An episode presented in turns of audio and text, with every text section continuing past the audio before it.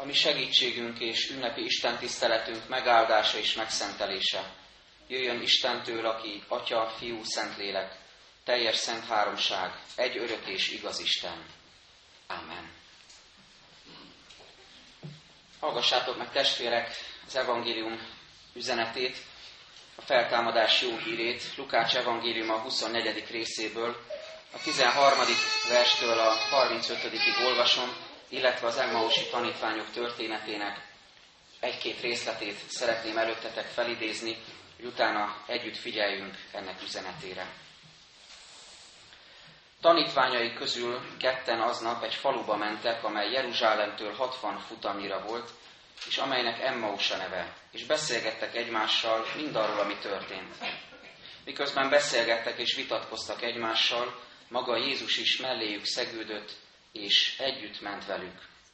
Látásukat azonban valami akadályozta, és nem ismerték fel őt. Ő pedig így szólt hozzájuk, miről beszélgettek egymással útközben. Erre szomorúan megálltak. Majd megszólalt az egyik név szerint Kleopás, és ezt mondta neki. Te vagy az egyetlen idegen Jeruzsálemben, aki nem tudod, mi történt ott ezekben a napokban? Mi történt? kérdezte tőlük. Ők így válaszoltak neki. Az, ami a názereti Jézussal esett, aki próféta volt, szóban és tedben hatalmas Isten és az egész nép előtt. Hogyan adták át a főpapok és a főemberek halálos ítéletre, és hogyan feszítették meg. Pedig mi abban reménykedtünk, hogy ő fogja megváltani Izraelt. De már harmadik napja, hogy ezek történtek. Akkor ő így szólt hozzájuk, óti bolgák, milyen rest a szívetek arra, hogy mindazt elhiggyétek, amit megmondtak a próféták. Hát nem ezt kellett elszenvednie a Krisztusnak, és így megdicsőülnie. Így értek el ahhoz a faluhoz, amelybe igyekeztek. Ő azonban úgy tett, mintha tovább akarna menni. De azok unszolták és kérték. Maradj velünk, mert esteledik, a nap is lehanyatlott már. Bement hát, hogy velük maradjon. És amikor asztalhoz telepedett velük, vette a kenyeret, megáldotta, megtörte és nekik adta. Erre megnyílt a szemük, és felismerték. Ő azonban eltűnt előlük. Ekkor így szóltak egymásnak. Nem hevülte a szívünk, amikor beszélt hozzánk az úton, amikor feltárta előttünk az írásokat.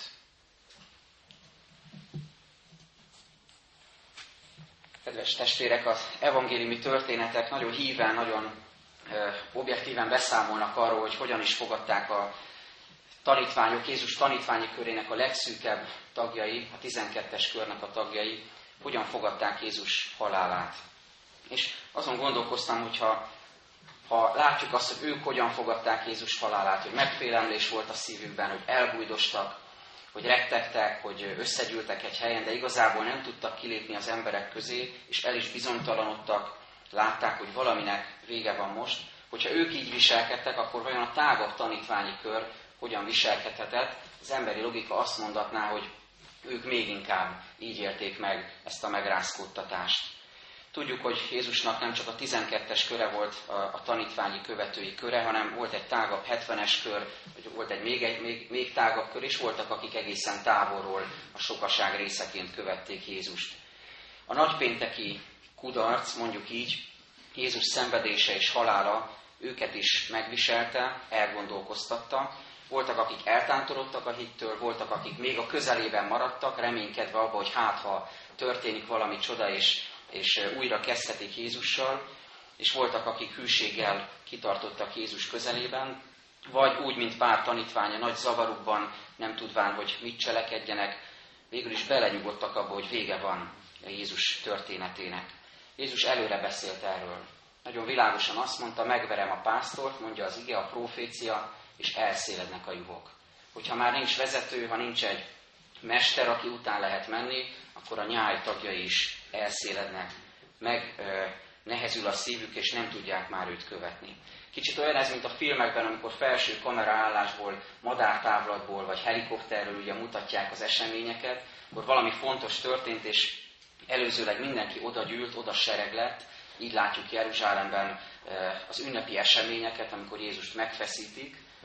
Mindenki oda sereglik, és aztán Egyszer csak azt látjuk, amikor vége van ezeknek a fontos eseményeknek, fölülről, mint kicsi fekete pontok, a, a világ minden irányába eltávoznak Jézus tanítványa és mindazok, akik felmentek az ünnepre.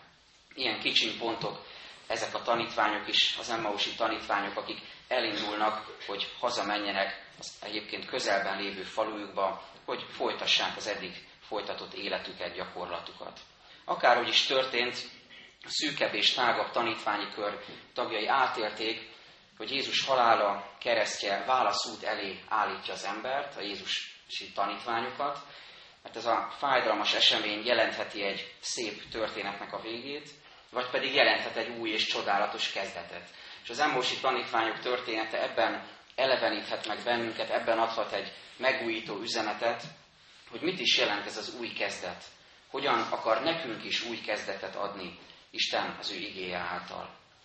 Ennek a két tanítványnak a különös találkozása Jézussal és a Jézussal való együtt vándorlása abban erősít meg bennünket, hogy Isten bármikor hozhat az ő igével és szent lelkével egy nagyszerű új kezdetet a mi életünkbe is. Úgy, mintha az életünk naplójába Isten húzna egy piros vonalat, egy vastag piros vonalat, hogy innentől kezdve minden másképpen alakul. Ez a feltámadottal, Jézussal való találkozás.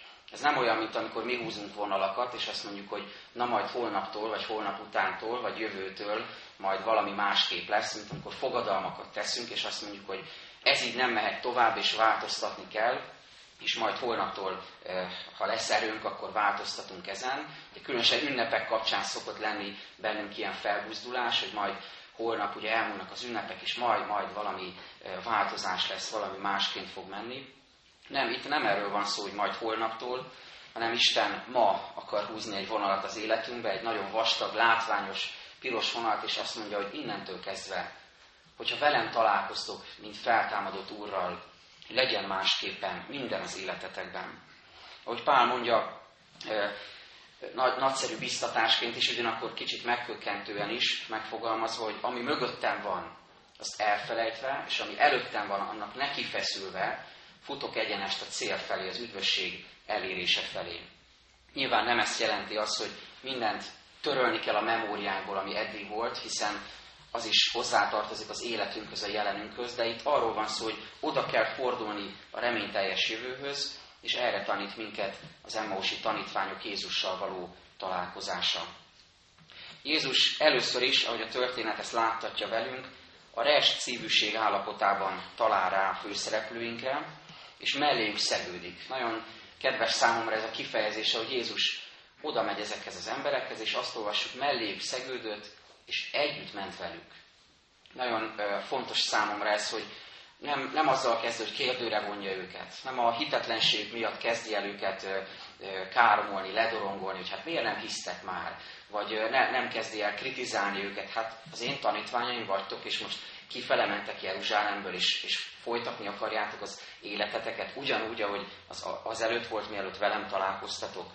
Tehát nem ilyen e, kifejezéseket használ Jézus, egyszerűen melléjük szegődik, és velük együtt megy. Nemrégében egy lelkész gyűlésen e, hangzott el nagyon e, megkapó és ugyanakkor melbevágó e, példa arra, hogy mit is jelent segíteni, vagy éppen nem segíteni valakin, segítő jelenléttel ott lenni valakinek az életében. Hát én most ezt lelkészesen mesélem, de azt gondolom, hogy többféle szakmára is igaz lehet ez a történet, orvosokra, pszichológusokra, vagy bármilyen más segítő szakmára, vagy bár, bármilyen szakmában, ahol emberekkel foglalkozik valaki. A lényeg a történetnek, hogy egy ejtőernyős rossz helyen száll le, és egy fára fölakad, és arra megy valaki az autójával, meglátja ezt az illetőt, hogy bajba jutott, megáll, kiszáll a kocsiából, és hát megkérdezi, hogy segíthetek? Azt mondja az ejtőernyős, hogy igen, hol vagyok? Erre azt válaszolja az autóból kiszálló ember, hogy hát a fán.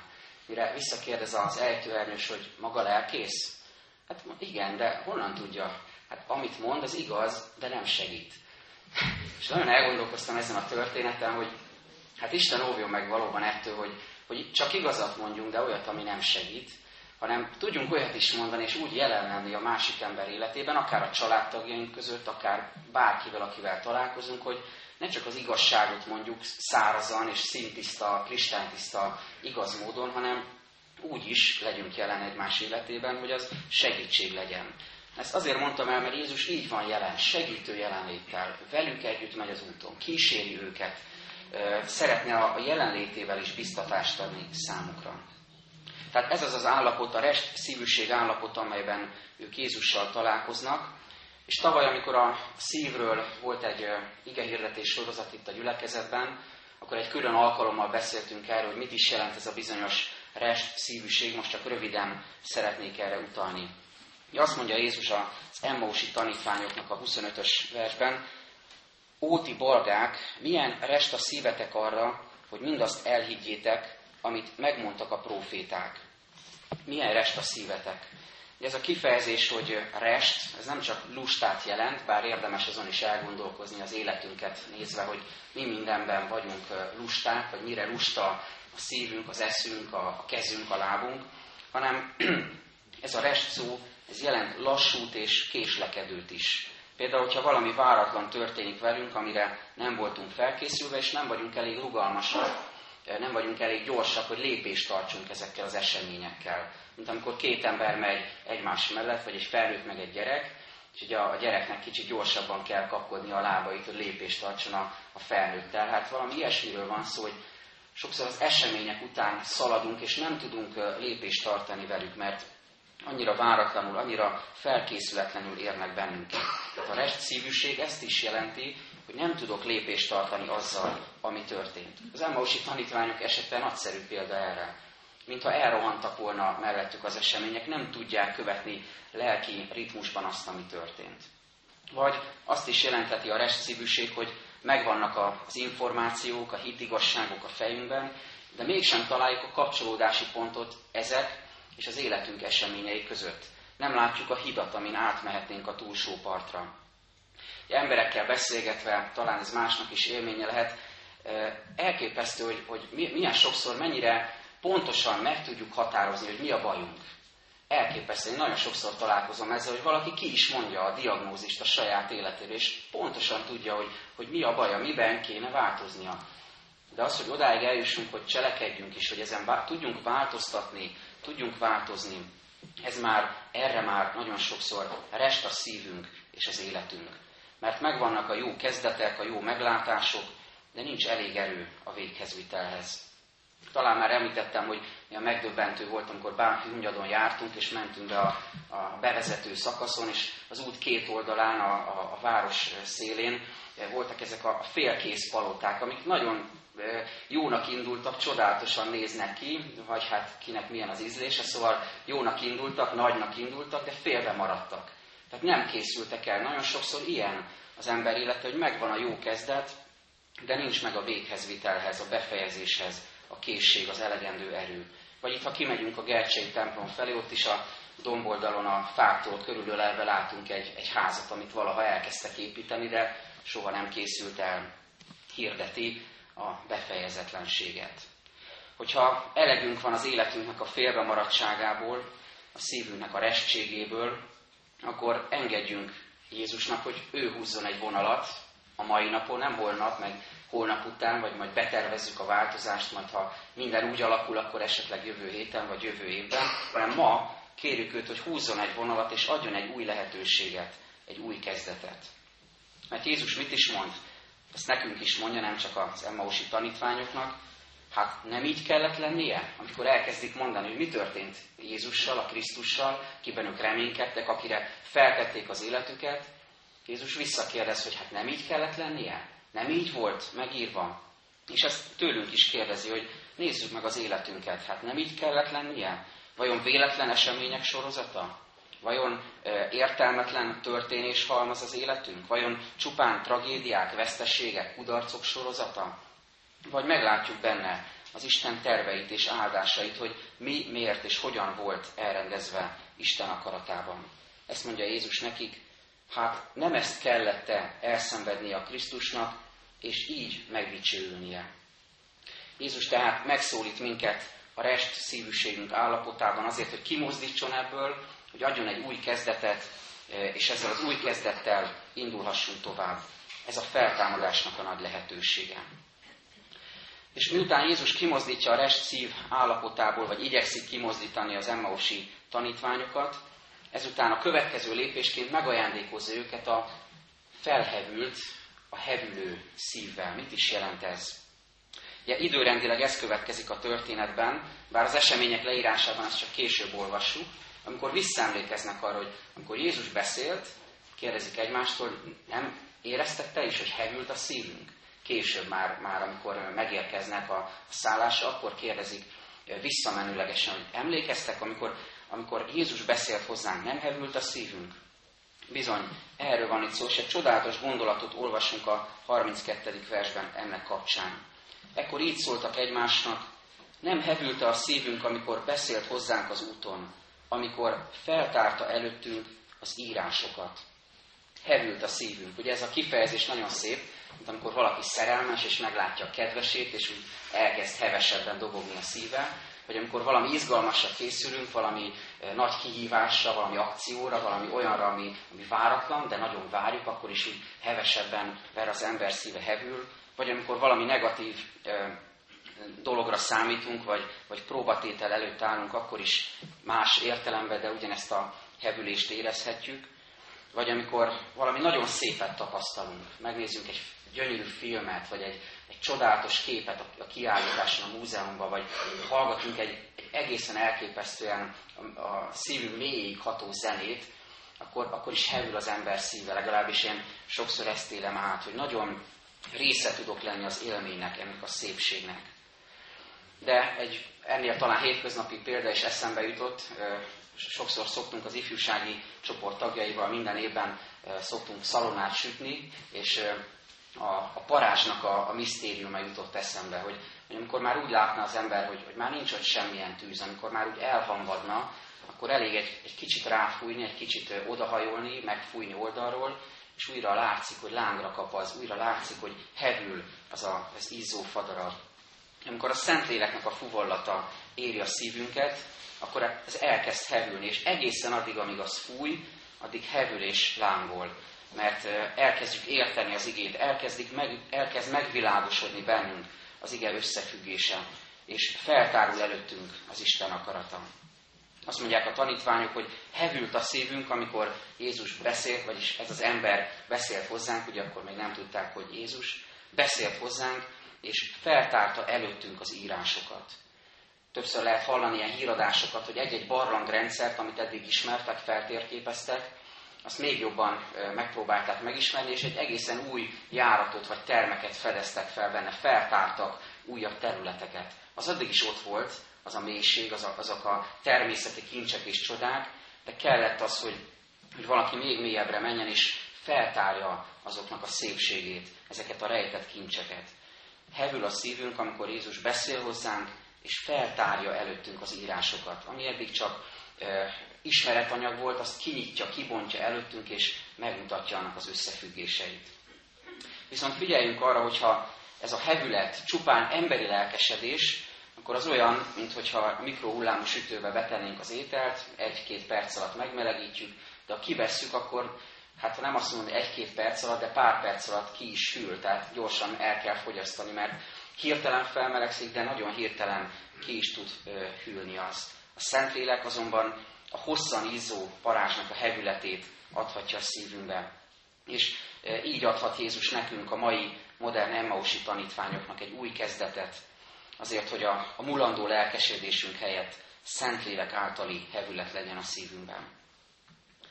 Jézus tehát így kész megadni az újrakezdést, azután, amit az Emmausi tanítványok is tapasztaltak, a restszívűség állapota után tapasztalva a Jézusért, az Isten szent lelke által hevületet, mert Jézus az újrakezdésnek az élő ura.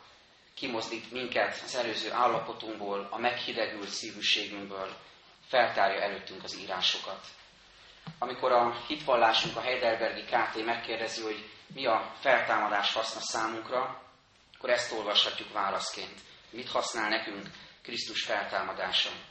Először is feltámadásával legyőzte a halált, hogy minket részesíthessen abban az igazságban, amelyet nekünk halálával szerzett. Másodszor az ő ereje most minket is új életre támaszt fel. Harmadszor Krisztus feltámadása a mi dicsőséges feltámadásunknak is bizonyos zálog a számunkra. És a középsőre hívnám fel újra a figyelmet, az ő ereje most, nem holnap, nem valamikor, azt mondja most, minket is új életre támaszt fel. Ennek az örömhírét hozza számunkra az Emósi tanítványok és Jézus találkozása, hogy itt a jelen pillanatban van lehetőségünk arra, hogy újat kezdjünk Jézussal. Mit olvasunk itt a történet vége felé? Hogy azok unszolták és kérték, maradj velünk, mert esteledik. A nap is lehanyatlott már. Bement hát, hogy velük maradjon. És amikor asztalhoz telepedett velük, vette a kenyeret, megáldotta, megtörte, nekik adta. Erre megnyílt a szemük, és felismerték, ő azonban eltűnt előlük. Ez az új kezdet, amelynek a kiteljesedéséhez és valódi megindulásához szükséges ez a lépés. Átélni a Jézussal való mély közösséget. Most is terítve az asztal, vár bennünket Jézus az úrvacsorai közösségre, és hogyha élünk ennek a lehetőségével, és átéljük a Jézussal való mély közösséget, akkor előttünk is megjelenik ő, mint feltámadott úr, látjuk az ő kezének ismerős mozdulatát, ahogyan megtöri a kenyeret, ugyanaz a mozdulat, amelyel aztán az 5000 embert megvendégeli, ugyanaz a mozdulat, amit minden úrvacsorakor is látunk, megtöri számunkra a kenyeret, de itt valami többről is van szó. Ezzel a mozdulattal, ezzel a gesztussal Jézus önmagát adja, önmagát osztja szét. Mondjuk így, és értsük jól, önmagát sokszorozza meg, és adja mindannyiunk szívébe, és ajándékoz meg bennünket az ő áldó jelenlétével. Terítve tehát az asztal, Jézus nekünk is megtöri a kenyeret, azért, hogy a rest szív helyére hevülő szív és Jézust befogadó szív kerülhessen. Említettem, hogy Jeruzsálemből hogy mennek el a tanítványok, és hogy bújdosnak el, hogy a fölülről mutatja a kamera a kis fekete pontocskákat. És olyan érdekes itt a történet végén olvasni, hogy amikor mindezzel szembesültek az Emmausi tanítványok, még abban az órában útra keltek, és visszatértek Jeruzsálembe, hogy együtt legyenek a többi tanítványjal. Újra összegyűlnek, Isten igéje és lelke újra összegyűjti a tanítványokat, összesűríti őket, hogy aztán majd pünkösd ünnepén a világ minden irányába, a világ minden égtájának irányába szétmehessenek a tanítványok, és vihessék a jó hírt, az örömhírt. Ez az új kezdet lehetősége tehát, testvéreim, ezen a húsvét ünnepen mindannyiunk számára. Jöjjünk tehát az úrasztalához, jöjjünk a Jézussal való közösséghez, és gondoljuk át, hogy mi mindent kell magunk mögött hagyni, mi mindenből kell nekünk újat kezdenünk, mi az, amit el kell hagynunk, teherként le kell tennünk, és mi az az új kezdet, amit az élő Krisztus nekünk is szeretne megadni. Amen.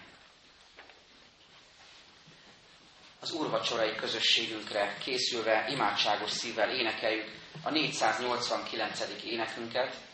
489. énekünk mind a négy verszakát. Örök élet reggele, fény a véghetetlen fényből.